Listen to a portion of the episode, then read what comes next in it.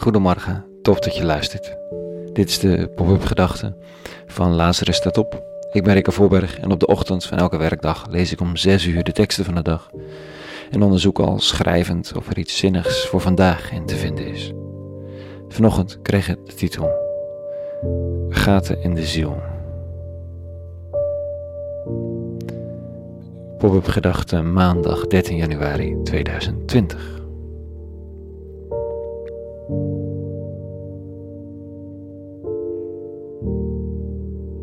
Hij had een zwarte steen gepakt, want hij was donker van binnen. Het was niet goed met hem, zei hij. Hij is jong, nog geen twintig voorlopig schat ik. En hij was uitgenodigd, net als andere jongeren die afgelopen weekend op bezoek waren in klooster Nieuw-Sion in Deventer, om een soort edelsteen uit te zoeken die op hem leek of iets over hem zei. Aan het eind van de dag was er dan een gesprek en zijn steen was zwart. Hij was stuk van binnen. Dat zei hij. Dertig jongeren om hem heen werden muisstil. Er stonden tranen in zijn ogen.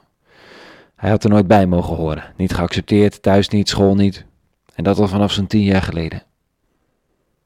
Het ging nu beter, maar hij had toen zijn oordoppen in zijn oren gedaan. En had zijn heil gezocht in muziek. Altijd oordoppen, altijd muziek, nooit contact. Hij had acht tot tien jaar zonder vrienden geleefd en was totaal vereenzaamd. Tussen mensen. En tot het niet meer ging. Hij luisterde van die gekke liedjes die niemand tof zou vinden, maar de teksten zeiden hem dat hij hoop moest houden en verbinding moest maken, kwetsbaar opstellen en dat soort dingen. Dus hij trok de doppen uit zijn oren, nam een speaker mee en iedereen kon opeens zijn muziek horen. De afwijzing bleef, maar er waren er een paar die de muziek mooi vonden, die contact maakten. Maar hij zei hij had geen idee hoe daarmee om te gaan.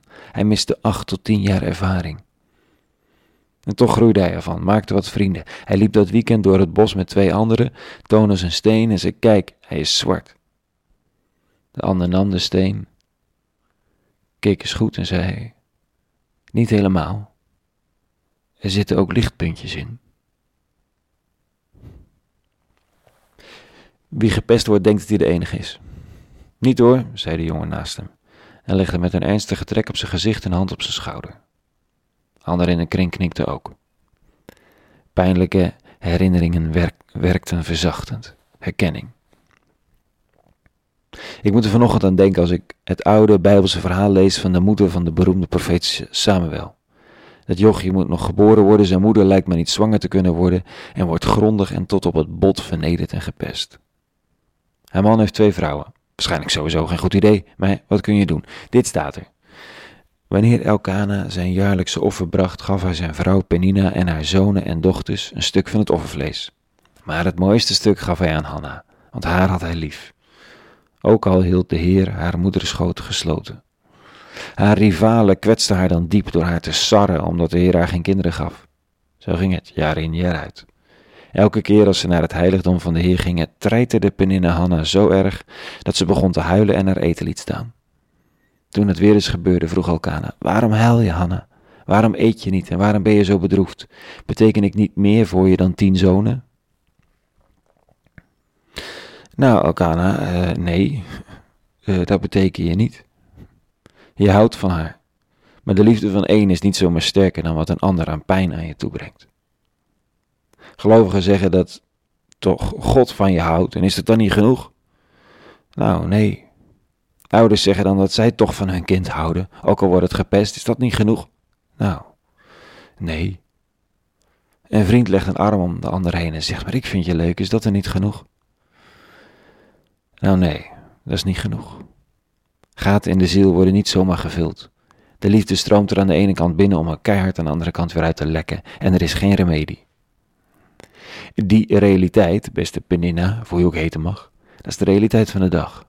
En geen vrome praat kan die veranderen. Er waren pijnlijke verhalen bij dit weekend en er kwam geen oplossing. Het lag er gewoon. Niemand die een vrome oplossing erbij serveerde. Goed, er was een waardering, een arm om mijn schouder, een knuffel, dat wel. Is dat niet meer waard dan tien zonen of tien vage vrienden op school, tien jaar eenzaamheid? Nee, dat is het niet. Sommige gaten in de ziel hebben geen bodem. Maar als ze er mogen zijn dan. Als de kring is gecreëerd en de stenen op de maag niet langer enkel indigestie veroorzaken, maar op tafel mogen liggen. Omdat iemand vraagt om stenen uit te zoeken, of omdat de tranen en het gebrek aan eetlust de pijn zo zichtbaar maken dat er geen ontkomen meer aan is. Er wordt niets opgelost. Misschien zijn oplossingen wel voor mensen die het moeilijk vinden andermans pijn aan te zien en het willen fixen, zodat ze de pijn van de ander niet hoeven voelen. Voor degene die hem voelen is het al heel wat dat het in de kring ligt. Op tafel. En dan kan een onhandige echtgenoot nog zeggen: En mijn liefde is je toch heus wel genoeg? Dat is niet zo. Maar daar gaat het ook niet om. Het is onder ogen gekomen. En dat telt. Wat in het licht komt, kan ooit genezen, misschien. Maar het is het allerbelangrijkste dat het in het licht komt. Dan kunnen in donkere stenen kleine lichtjes gevonden worden.